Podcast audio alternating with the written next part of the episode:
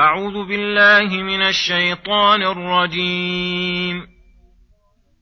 ولقد آتينا إبراهيم رشده من قبل وكنا به عالمين.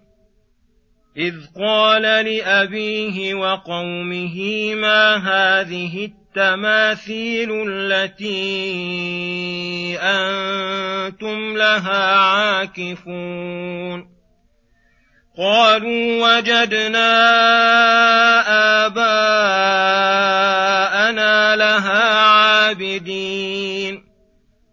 قال لقد كنتم أنتم وآباؤكم في ضلال مبين. قالوا أجئتنا بالحق أم أنت من اللاعبين؟ قال بل ربكم رب السماوات والأرض الذي فطرهن وأنا على ذلكم من الشاهدين وتالله لأكيدن أصنامكم بعد أن تولوا مدبرين فجعلهم جذاذا إلا كبيرا لهم لعلهم إليه يرجعون. قالوا من فعل هذا بآلهتنا إنه لمن الظالمين. قالوا سمعنا فتى يذكرهم يقال له إبراهيم. قالوا فأتوا به على أعين الناس لعلهم يشهدون. بسم الله الرحمن الرحيم. السلام عليكم ورحمة الله وبركاته. لما ذكر تعالى موسى ومحمدا صلى الله عليه وسلم وكتابيهما قال ولقد آتينا إبراهيم رشده من قبل أي من قبل إرسال محمد موسى ومحمد ونزول كتابيهما فأراه الله ملكوت السماوات والأرض وأعطاه من الرشد الذي كمل به نفسه ودعا الناس إليه ما لم يؤتي أحدا من العالمين غير محمد وأضاف الرشد إليه لكونه رشدا بحسب حاله وعلو مرتبته وإلا فالمؤمن له من الرشد بحسب ما معه من الإيمان.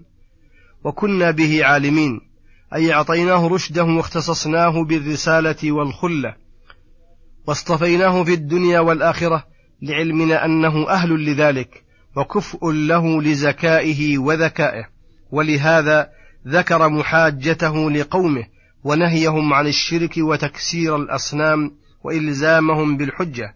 فقال إذ قال لأبيه وقومه ما هذه التماثيل التي مثلتموها ونحتموها بأيديكم على صور بعض المخلوقات التي أنتم لها عاكفون مقيمون على عبادتها ملازمون لذلك فما هي؟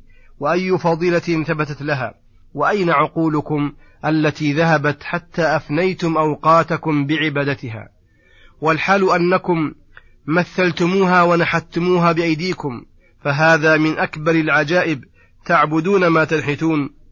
فأجابوا بغير حجة جواب العاجز الذي ليس بيده أدنى شبهة فقالوا وجدنا آباءنا كذلك يفعلون فسلكنا سبيلهم واتبعناهم على عبادتها. ومن المعلوم أن فعل أحد من الخلق سوى, سوى الرسل ليس بحجة ولا تجوز به القدوة خصوصا في أصل الدين وتوحيد رب العالمين.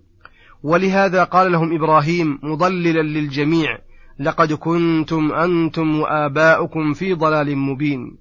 أي ضلال بين واضح. وأي ضلال أبلغ من ضلالهم في الشرك وترك التوحيد. أي فليس ما قلتم يصلح للتمسك به وقد اشتركتم وإياهم في الضلال الواضح البين لكل أحد. قالوا على وجه استغراب لقوله واستفهام لما قال وكيف بادأهم بتسفيههم وتسفيه آبائهم؟ أجئتنا بالحق أم أنت من اللاعبين؟ أي هذا القول الذي قلته والذي جئتنا به هل هو حق وجد أم كلامك لنا؟ كلام لاعب مستهزئ لا يدري ما يقول وهذا الذي أرادوا وإنما ردوا الكلام بين الأمرين لأنهم نزلوه منزلة المتقرر المعلوم عند كل أحد أن الكلام الذي جاء به إبراهيم كلام سفيه لا يعقل ما يقول. فرد عليهم إبراهيم ردا يبين به وجه سفههم وقلة عقولهم فقال بل ربكم رب السماوات والأرض الذي فطرهن وأنا على ذلكم من الشاهدين. فجمع لهم بين الدليل العقلي والدليل السمعي. أما الدليل العقلي فإنه قد علم أن قد علم كل أحد حتى هؤلاء الذين جادلهم إبراهيم أن الله وحده الخالق لجميع المخلوقات من بني آدم والملائكة والجن والبهائم والسماوات والأرض المدبر لهن بجميع أنواع التدبير فيكون كل مخلوق مفطورا مدبرا متصرفا فيه. ودخل في ذلك جميع ما عبد من دون الله.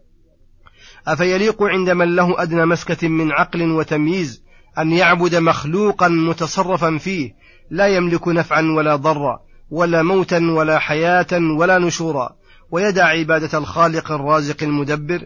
أما الدليل السمعي فهو المنقول عن الرسل عليهم السلام فإنما جاءوا به معصوم لا يغلط ولا يخبر بغير الحق ومن أنواع هذا القسم شهادة أحد من الرسل. على ذلك فلهذا قال إبراهيم وأنا على ذلكم أي أن الله وحده المعبود وأن عبادة ما سواه باطل من الشاهدين. وأي شهادة بعد شهادة الله أعلى من شهادة الرسل خصوصا أولي العزم منهم خصوصا خليل الرحمن. ولما بين أن أصنامهم ليس لها من تدبير شيء أراد أن يريهم بالفعل عجزها وعدم انتصارها وليكيد كيدا يحصل به إقرارهم بذلك. فلهذا قال وتالله لأكيدن أصنامكم أي أكسرها على وجه الكيد بعد أن تولوا مدبرين عنها إلى عيد من أعيادهم فلما تولوا مدبرين ذهب إليها بخفية فجعلهم جذاذا أي كسرا وقطعا وكانت مجموعة في بيت. في بيت واحد فكسرها كلها في بيت واحد فكسرها كلها إلا كبيرا لهم أي إلا صنمهم الكبير فإنه تركه لمقصد سيبينه وتأمل هذا احتراز العجيب فإن كل ممقوت عند الله لا يطلق عليه ألفاظ التعظيم إلا على وجه إضافته لأصحابه كما كان النبي صلى الله عليه وسلم إذا كتب إلى ملوك أرض المشركين يقول إلى عظيم الفرس إلى عظيم الروم ونحو ذلك ولم يقل إلى العظيم وهنا قال تعالى إلا كبيرا لهم ولم يقل كبيرا من أصنامهم فهذا ينبغي التنبه له والاحتراز من تعظيم ما حقره الله إلا إذا, إلا إذا أضيف إلى من عظمه. وقوله لعلهم يرجعون أي ترك إبراهيم تكسير صنمهم هذا لأجل أن يرجعوا إليه ويستملوا حجته ويلتفتوا إليها ولا يعرضوا عنها ولهذا قال في آخرها فرجعوا إلى أنفسهم. فحين رأوا ما حل بأصنامهم من الإهانة والخزي قالوا من فعل هذا بآلهتنا إنه لمن الظالمين. فرموا إبراهيم بالظلم الذي هم أولى به حيث كسرها ولم يدروا أن تكسيره لها من أفضل مناقبه ومن عدله وتوحيده.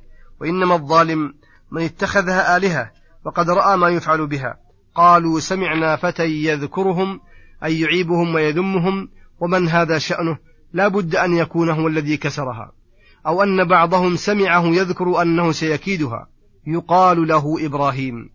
فلما تحققوا أنه إبراهيم قالوا فأتوا به أي بإبراهيم على أعين الناس أي بمرأى منه مسمع لعلهم يشهدون أي يحضرون ما يصنع بمن كسر آلهتهم.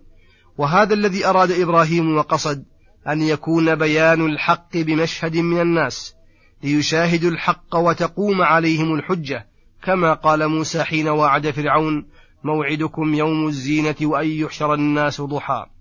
وصلى الله وسلم على نبينا محمد وعلى آله وصحبه أجمعين. وإلى الحلقة القادمة غدا إن شاء الله. والسلام عليكم ورحمة الله وبركاته.